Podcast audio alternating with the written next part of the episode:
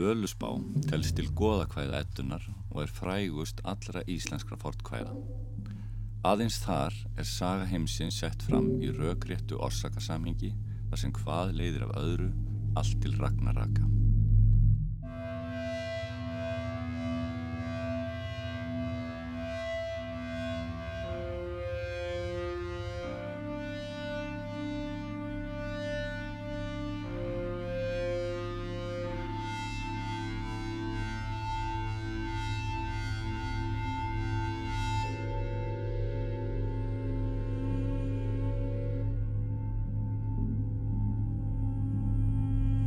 Er varðveitt í tveimur gerðum í konungsbók ettu kvæða frá setni hluta 13. aldar og í þeim hluta högsbókar sem er frá miðbyggi 14. aldar. Aug þess sem nokkur erindi er í gilvæginningu ettunar sem talið er að Snorri Sturluson hafi sett saman á þriðja áratug 13. aldar. Völusbá er mælt fram af völvu sem segir frá sköpun heimsins og friði allsnekta hjá góðum Uns þrjár þursamæjar komu og þau sköpuðu dverga og síðan menn. Gullveig kemur bæði til goða á manna, íllindi hefjast og leiða til víga sem magnast uns öll lögmál er brotin.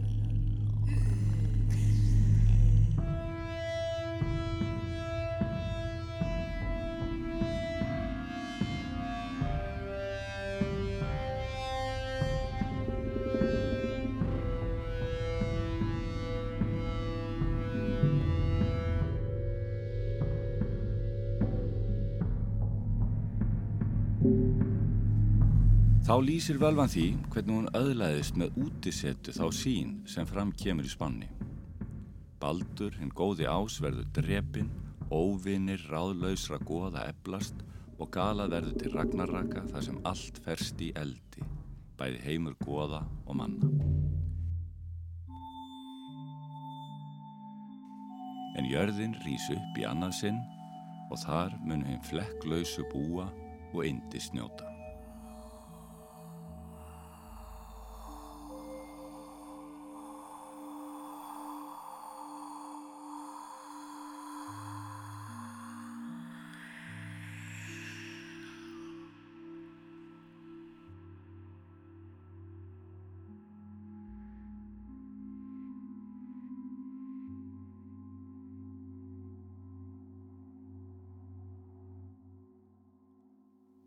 Um hvað rettust Guðinn þá er hér brann hraunið er nú stöndum ég á? Er þið fræga svar snorra goða í kristnisögu þegar tíðindamenn komi hlaupandi á kristnitöku þingið við Öksará um þar síðustu árþúsundamót og sögðu að jarðeldur væri uppkomin í Ölfusi og myndi hlaupa á bæ þórótt skoða. Heðnir menn sögðu að það væri ekki undur í að Guðin reytust tölum um kristni, en svarsnorra sló á þá hugmynd að Guðin tjáðu sig um mannlega háttsemi með því að senda upp jarðeld. Enda hefði hraun runnið um þingvelli, laungu áður en menn fór að þjarka þar og setja sér lög. Um hvað reytust Guðin, þá er hér brann hraunið er nú standum ég Surtur fer sunnan með svega læfi, skín af sverði, sólvaltífa, grjót björg gnata en gífur rata, tróða halir helveg en heiminn klopnar.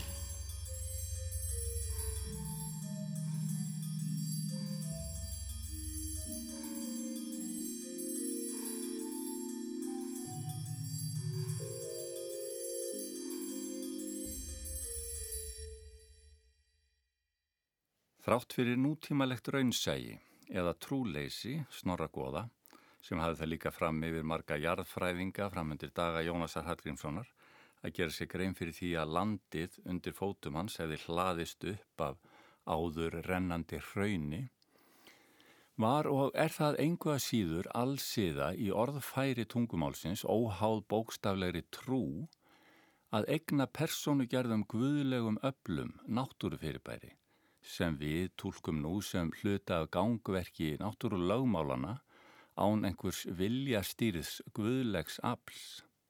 þótt það með áfram vera opið hvort guðlegur máttur hafi komið þeirri skipan á í öndverðu eða ekki.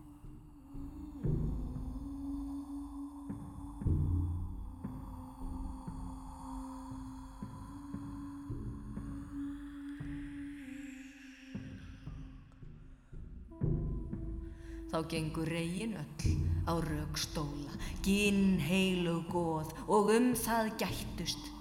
Hver skildi dverga drottin skepja úr brímis blóði og úr blám leggjum.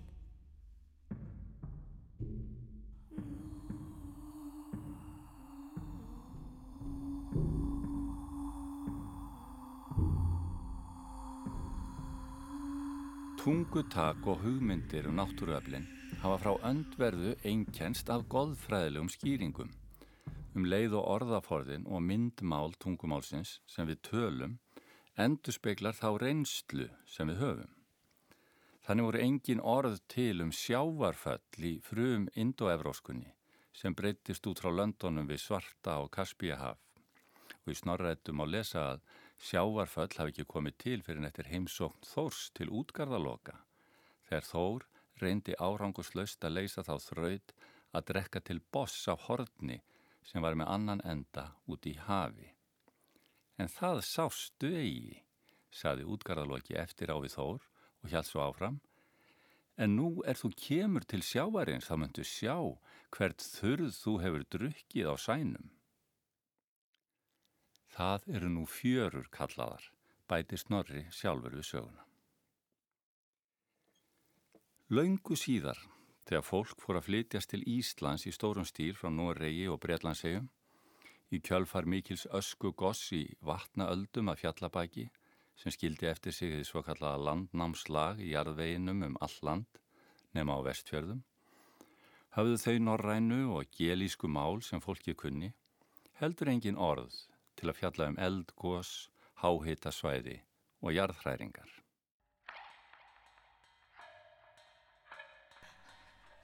Haft sá hún liggja undir hvera lundi, lækjarn, líki, loka áþekjan. Þar situr sigin, þegi um sínum ver, vel glýð. Vitu þér enn, eða hvað? Hér á landi laðaðist fólkið að laugum til baða og hlýtur að hafa undrast gjósandi og byllandi hveri með leir og heitu vatni víða um land. Í kvítarsíðu höfðu þau ekki fyrirkomið sér fyrir í nýjum og byrki grónum byggðum á síðustu áratugum nýjundu aldar en þau þurfti að flýja undan hallmundarhrauni sem rann ofan úr jökulstöllum undir langjökli upp úr aldamótonum 900. Fjórum árum eftir stopnun Alþingis árið 930 þegar skikkur er komin á þjóðfélagið verður fólkið í vestur skaftafellsíslu vitni að mesta raungósi allra sögulegra tíma á jörðunni, eldgjárgósinu, sem spúði móðu sem fórum norður kvel í arðar með tilherrandi veðurfarsbreytingum og uppskerubresti og hrauni sem rann yfir alltaf verð meðaland og landbrott og víðar. Svo landnámsmenn á borfi moldagnúp í Altaveri urða að flýja og gera sér tjaldbúðir í Myrdal á meðan þau hugsiðu sinn gang eins og sagt er frá í landnámu. Ekkert lát var svo á eldgósum þá fremur en nú. Hekla lagði Þjórsardal og þjóðveldisbæin á stöng í Eyði 1104 og um það leiti sem Snorra dettur í hug að skrifa ettu sína í Reykjóldi á þriðja áratu 13. aldar. Dinur yfir gós hrina á Reykjanesi Svo talaður um sandvetur í borgarfyrði 1226-7 í Sturlungu þegar hundrað nauta dó fyrir snorra Sturlusinni út í Svignaskarði. Þannig að snorri átti skindilega nóg af kálskinni sem hann hefur vantalega þurft að nýta með einhverjum hætti.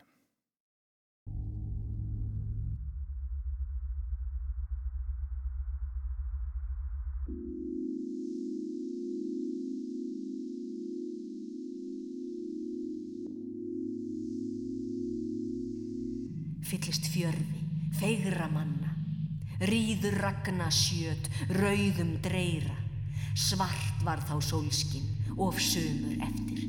Veður öll, válind, vitu þér enn, eða hvað?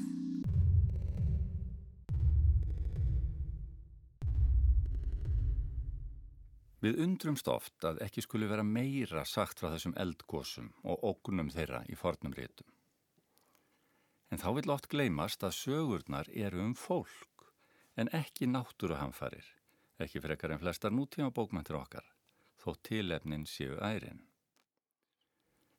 Við horfum líka fram hjá því að þótt gósin líti út fyrir að vera mörg þegar farið er yfir gós annál nokkura alda hafa hlutfarslega fáir íbúar landsins séð eldgós með eigin augum á sinni jarðsögulega stuttu æfi sem var sjálfsögða enn stittri á miðaldum en hún er í læknavættu nútíma samfélagi.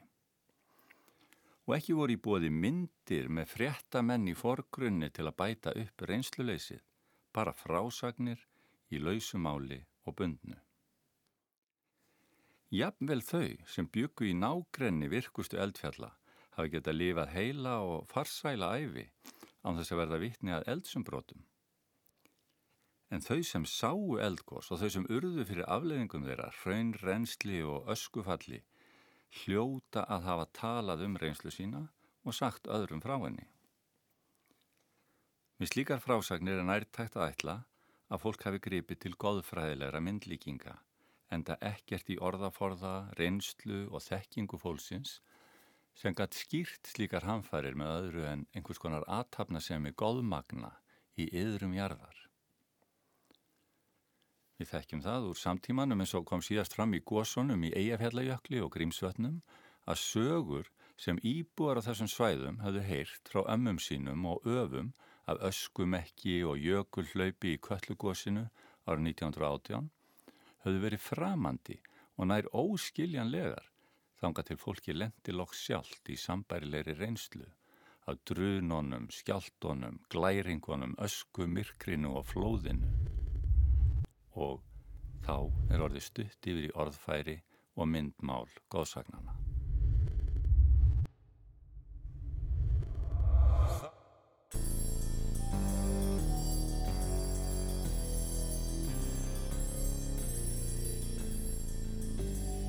Hvað er með ásum, hvað er með álfum, gnýr allur jötun heimur. Æsir er á þingi, stinja dvergar fyrr steindurum, veggbergsvísir. Vituð þér enn, eða hvað?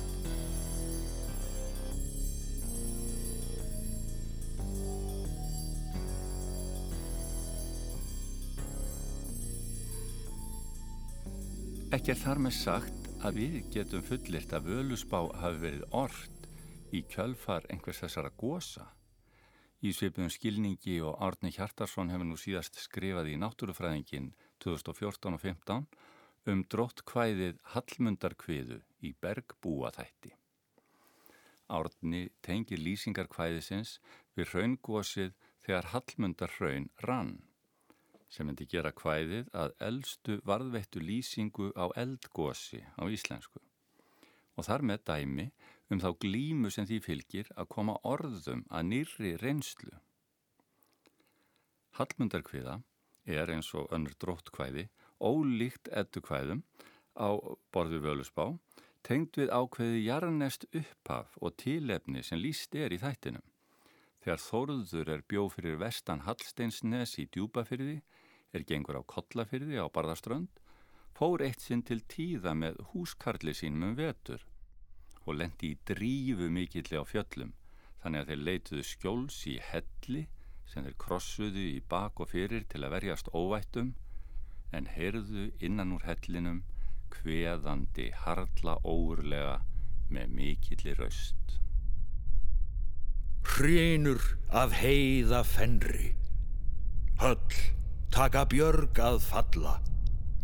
Fátt mun að fornu setri fríðs aldjötuns hríðar. Gnýr þá er gengur hinn hári, gramur um dökva hamra. Hátt stígur höllum fæti, hallmundur í gný fjalla. Hallmundur í gný fjalla. Þegar líst er eldgósi í þessum magnaða kvæði dugar ekkert minna en vekja upp myndir og kenningar með fenrisúlfi og hennum aldna jötni sem hímininn er gerður af, hið forna setur hríðarveðrana, þar sem ekki er fagurt um að litast þegar gnýrin berst af göngu hins gráhærða konungs um dökka hamrana. Fólk sem hefur upplifað slíkar hamfarir eða heyrt hvernig þeirri reynslu var komið í svo mögnuð orð með persónu gerðum goðmögnum hlýtur að hafa sótt í þær lýsingar þegar það reyndi að gera sér ragnarök í hugarlund.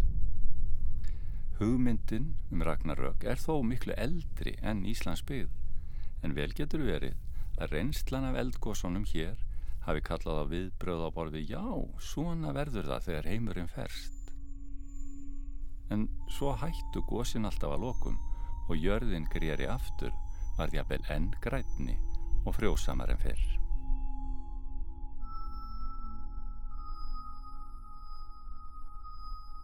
Sér hún uppkoma, öðru sinni, jörð úr ægi, hyðja græn, falla fossar, flýgur örn yfir. Sá er á fjalli, fiska veiðir.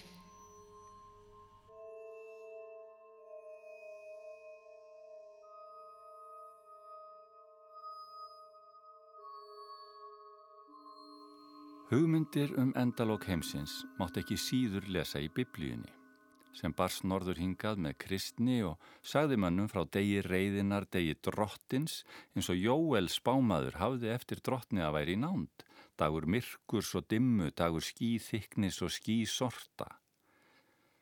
Þessi sín Jóels í Gamla testamentinu er tekin upp í frásög Lúkasar af postulana gjörðum sem Ottur Gottskálsson þýtti í Nýja testamentinu í miðri síðbótinni á 16. öld. Það er drottin allserjar sem hefur orðið.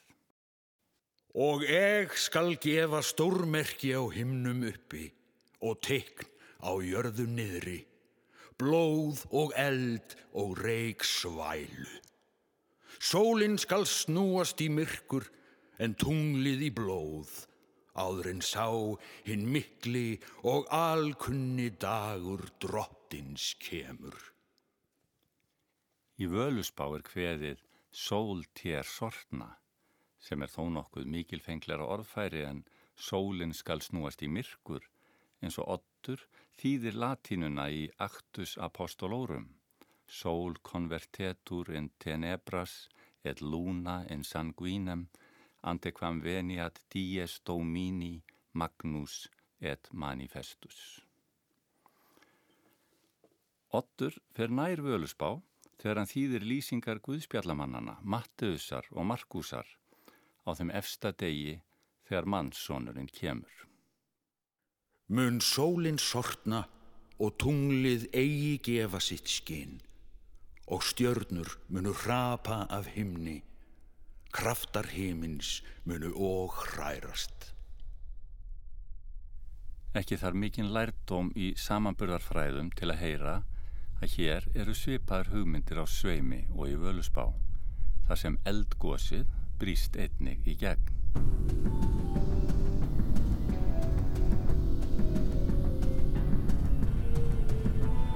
Sól tér sortna, sígur fold í mar, hverfa af himni, heiðar stjörnur, geysar eimi við aldur nara, leikur hár hiti við heimi sjálf.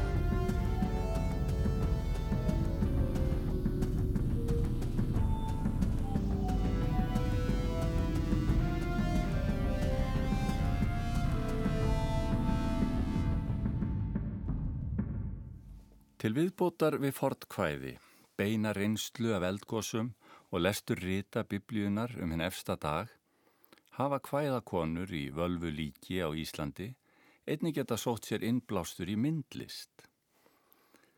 Pétur Pétursson, Guðfræðingur, hefur undanferðin ár bent á þennan möguleika sem áhrifavald á myndmál völusbár. Hvort sem fólk hefur farið út fyrir landsteinana og séð myndir í kirkjum í útlöndum eða allt leið heimað alltærinu á Hólum í Hjaltadal, þar sem Kristján Eldjarn og Hörður Ágússon sáu fyrir sér að fornar fjalir sem erðu kunnar á 19. öld í útihúsum í Flatatungu og Bjarnarstaða hlýði skagafyrði, hefðu hangið á miðöldum. En Selma Jónsdóttir hafði áður tólkað myndir á fjölunum sem hluta af domstagsmynd í ættuð hugmyndir Östurkirkjunar. Norræri menn höfðu ágætt tengsl við kirkjuna í Östri í árdagakristninar og ekki er að efa að hugmyndir þaðan, eins og þær voru tjáðar í myndum, hafi mótað skaldlegt tungutak um hinn efsta dag hér á norður hjara. Þá kemur inn mikli mögur sigföður, víðar, vegað valdýri. Lætur hann megi hverðrungs mund umstanda, hjör til hjarta. Þá er hemt föður.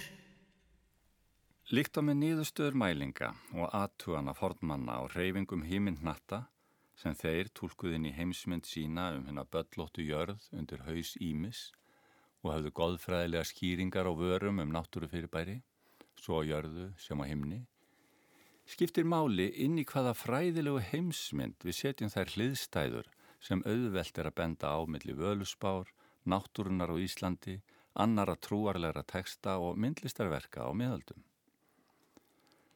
Hinn gamla heimsmynd fræðana gekk út frá því að tilteki skáld, helst karlmaður, hlitað hafa orrt völusbá frá orði til orðs við einhverjar sögulegar heiðinar aðstæður og að annað fólk hefði síðan lagt það kvæði á minnið og kent nýjum kynnslóðum óbreytt í nokkrar aldir, unsið frum orta kvæði úr grári fornesku hefði ratað kálskinn löngu síðar. Til að skýra myndar kristnar hugmyndir í kvæðinu þurfti þá ímist að grípa til þess að greina í sundur upprunalega gerð kvæðisins og síðartíma viðbætur, gera ráð fyrir því að kristnar hugmyndir hafi borist snemma til norðurálfu eða yngja kvæðið og halda því fram að það hafi verið orrt þegar hinnar kristnu hugmyndir voru sannarlega kunnar á Íslandi. Jafnveldansa, jafnveistans þarna á milli og telja hvaðið orti í heiðni, rétt þegar fyrstu trúbóðarnir hafi komið til landsins og skaldið hafi þá séð fyrir sér komu hins nýja síðar með endalokum hins gamla og að tjáð þá sín í kvæðinu.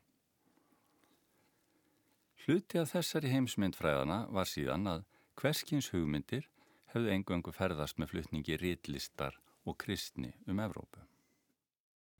Þá kemur inn mæri mögur hljóðinjar, gengur óðins sonur við úlf vega, drefur hann af móði, miðgarð sem ég er. Munu halir allir heimstöð riðja, gengur fet nýju, fjörginjar bur, neppur frá naðri, nýðs ókvíðnum.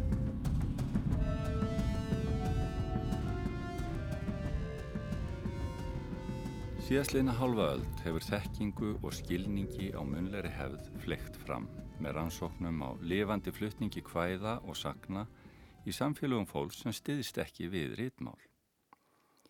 Þær rannsóknir hafa orðið til þess að ekki lengur hægt að fella hugmyndir um hvæði á borði völusbá inn í hérna gömlu heimsmynd fræðana um einn höfund sem orti hvæði í upphafi sem síðar í kynnslóðir hafi síðan lagt á minnið orð fyrir orð.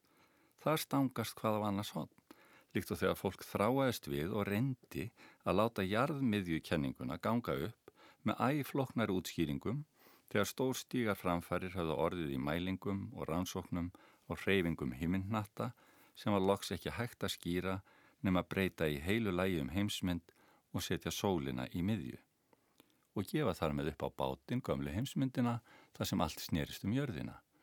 Með öllu því orðfæri sem þeirri heimsmynd tengdist. Til að skilja samspil hugmyndanna í völusbá við aðrar fornar heimildir þurfum við sömu leiðis að skipta um fræðilega heimsmynd og setja munlegu hefðina í miðju, hefð sem var síbreytileg og gatt soga til sín hugmyndir á öllum tímum, hvaðan sem þar komu. Breytt sögum og hvæðum eftir því sem tímanu vatt fram og áhugi fólks sveblaðist frá kyni til kyns, öld fram af öld, en alltaf undir sama himni og himinnöttum sem fólki reynda að tengja sig við og skilja hvað væri að gera ef það mætti varpa ljósi á lífið hér á jörð.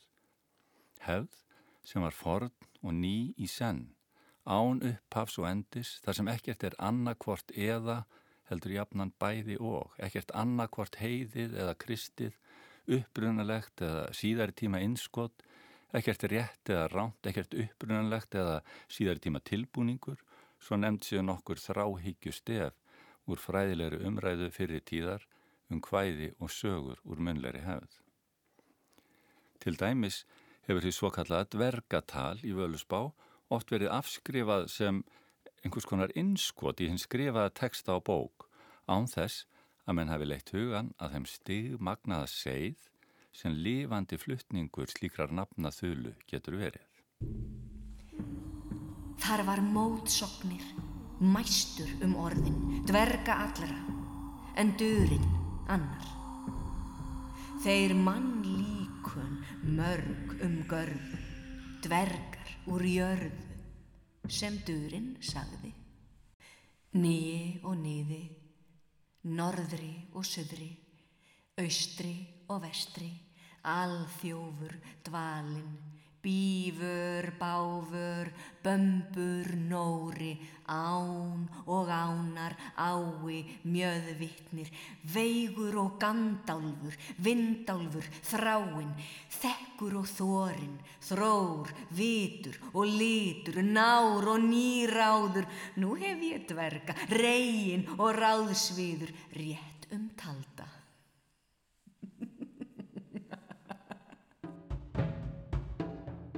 Fíli, kíli, fundin, náli, hefti, víli, hannar, svíur, frár, hornbori, frægur og lóni, aurvangur, jari, eigin skjaldi. Málir dverga í dvalins liði, ljóna kindum til lofars telja, þeir er sóttu frá salarsteini, aurvanga sjöttil, jöruvalla. Máli dverga í dvalins liði, ljóna kindum til sóttu frá salarsteini, aurvanga sjöttil, jöruvalla. Nú hef ég dverga. Þar var draupnir og dólkþrasið, hár, hugspori hlévangur, glóður, skirfir, virðir, skáfiður, árum.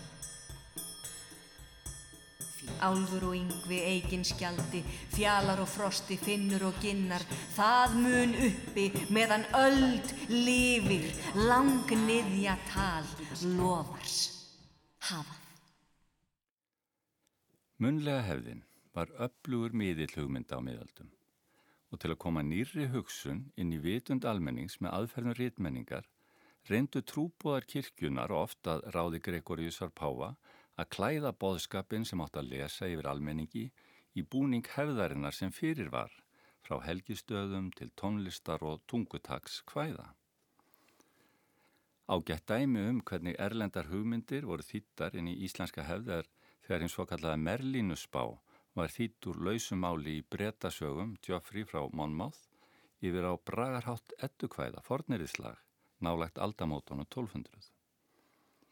Þýðandin Gunnlaugur Munkur Leifsson hefur ákveðið að nýta hið hefðbundna skaldskaparmál til þess að gera spátóminn líkari íslenskum kvæðum á borði völusspá, grípisspá og fápnismál og ná þannig betur eirum áherenda sinna. Völusbá er rétt og upprunaleg eins og hún er í þeim ólíku gerðum sem til eru. Það eru engar upprunalegri og réttari eða betri gerðir sem lúra aftan við hana í heiðinni fornesku. Hvað þá að við getum leiðir rétt hvæðið til að komast nær slíkri upprunalegri gerð með nútímalega fagurfræða opni um hvað okkur finnst að ætti að standa í hvæðinu til að verði betra í einhverjum nútímaskilningi. Hinn ímyndaða upprunalega gerð var aldrei til. Fremur en sá kjarni sem Pétur Gautur í ljóðleik Íbsens leitaði í lauknum þegar hann fletti hverju lægin af öðru utan á hann. Spaki spámannsgaukur, spurð ekki um keisaran, þú ert laukur. Nú tekiðu Pétur og flísja og flæ. Þú færð ekki væg þó þú segir æg. Ístahýðið er örið og rakið eins og sá skipbrotni er komst á flakið. Svo farþegar reyfið, krámt og kramt, kemur á gaut finnst á bræðunu samt. Námum hans flísjungur næst fyrir innan, ef nokkur var safinn, þá tekst ekki að vinna hann. En skrælingurum með skorpnubörðin er skittan sem lifði við Hudson fjörðin og hér fyrir innan er eins og krúna. Jú, einmitt, því hisminu flegjum við núna. Næst sögumadurinn, megn og skammur, hér Mahumet, safa fullur og rammur, sem skrifað stendur hans líi lauk og lyktaði svo að ódögnin rauk. En hvar finnst svo endi á hýðunum arna? Og hvena skildu nú bóla á kjarna? Nei, laukurinn flysjast í innsta inni, eintóm hýði, minni og minni, Hún náttúrun hittinn í heila brotu með hrjösunni næri þau kom ekki að nótum. Hugmyndin um hið upprunalega og rétta kvæði í öndverðu er af sama meiði og góðsaganum eten. Um þá saklausu öld þegar Adam og Eva voru í paradís um svipa leiti og góðunum var vettergis vant úr gulli í völusbá. Um sinnar þrjár ámátt hvað þursamæjar kom úr jötun heimum og spiltu friðnum. Völusbá verður ekki skýrð nema með því að hún geimi að sönnu orðfæri og hugmyndir sem eigi rætur að rekja aftur fyrir kristni í Norðurálfu. En um leið endur speklar margt í kvæðinu nýrri hugmyndir fólks á Íslandi allt fram að rítunatímanum á 13. og 14. öld. Þegar hins svokallaða kristvísa var skrifuð í högsbókargerð Völusbár og getur varla verið annað en innblásin af hugmyndum um endur komu Kris á efsta degi. Þá kemur hinn ríki að reyindómi, öflugur ofan, sá er öllu ræður. Höfundarlaus hvæði á borðu völusbá í munleiri hefð laga sig alltaf að samtíma sínum. Endur speikla ríkjandi hugmyndir á hverjum tíma, hugmyndir flytjanda sinna og áheyranda um leið og þau eru hluti af stærri hefð með samskonar kvæðum og sögum um svipaðefni. Munleg kvæði geta ekki verið eins og skrifaðir tekstar sem er komið fyrir í tímahylki sem hægtur að opna nokkrum öldum síðar og lesa orð rétt aftur. Þau þurfu alltaf að skipta máli í hvert sinn sem þau eru flutt, þurfu alltaf að falla smekk sinnartíðar og eiga erindi eins og þau eru. Þannig var völusbá og þannig er völusbá. Hún gengdi einhverju hlutverki í hugun þeirra sem voru enna kveðana á 13. öld. Þegar einhver tók sér loks til og skrifaðan á skinn eins og sáskrifari vildi hafa kvæðið á þeirri stundu. Fremst í því handriti sem viðkvöllum konungsbók ettukvæða, þar sem völusbá er ingangur að þeim góð og hetju kvæðum sem bókin geymir. Þarna er völusbá skrifuð eins og leiðslubókmentir miðalda með spásín völvu sem hefur yfkað útisettu til að magna upp aðsta heðina guðin sem velur henni gjafir og veitir henni sín inn í framtíðina. Og síðan fylgja hetju hvæðin í setnilhutabókarinnar þar sem Ástir Sigrúnar Högnadóttur og Helga Hundingsbanna hleypa fyrstu vandræðanum af stað Unn Sigurður Fápnisbanni færir gullið inn í hetju heima með því bölvi sem það veldur. Fyrsti eigin maður, Guðrúnar Gjúkadóttur, sem situr í bókarlokk, einstæð orðin sem öspi holdi, fallina frændum sem fura að kvisti. Eins og segir í hamdismálum hinnum fornu, eftir vígaferlin sem græðkin og aðbríðseminn hafa hrind á stað með almanna.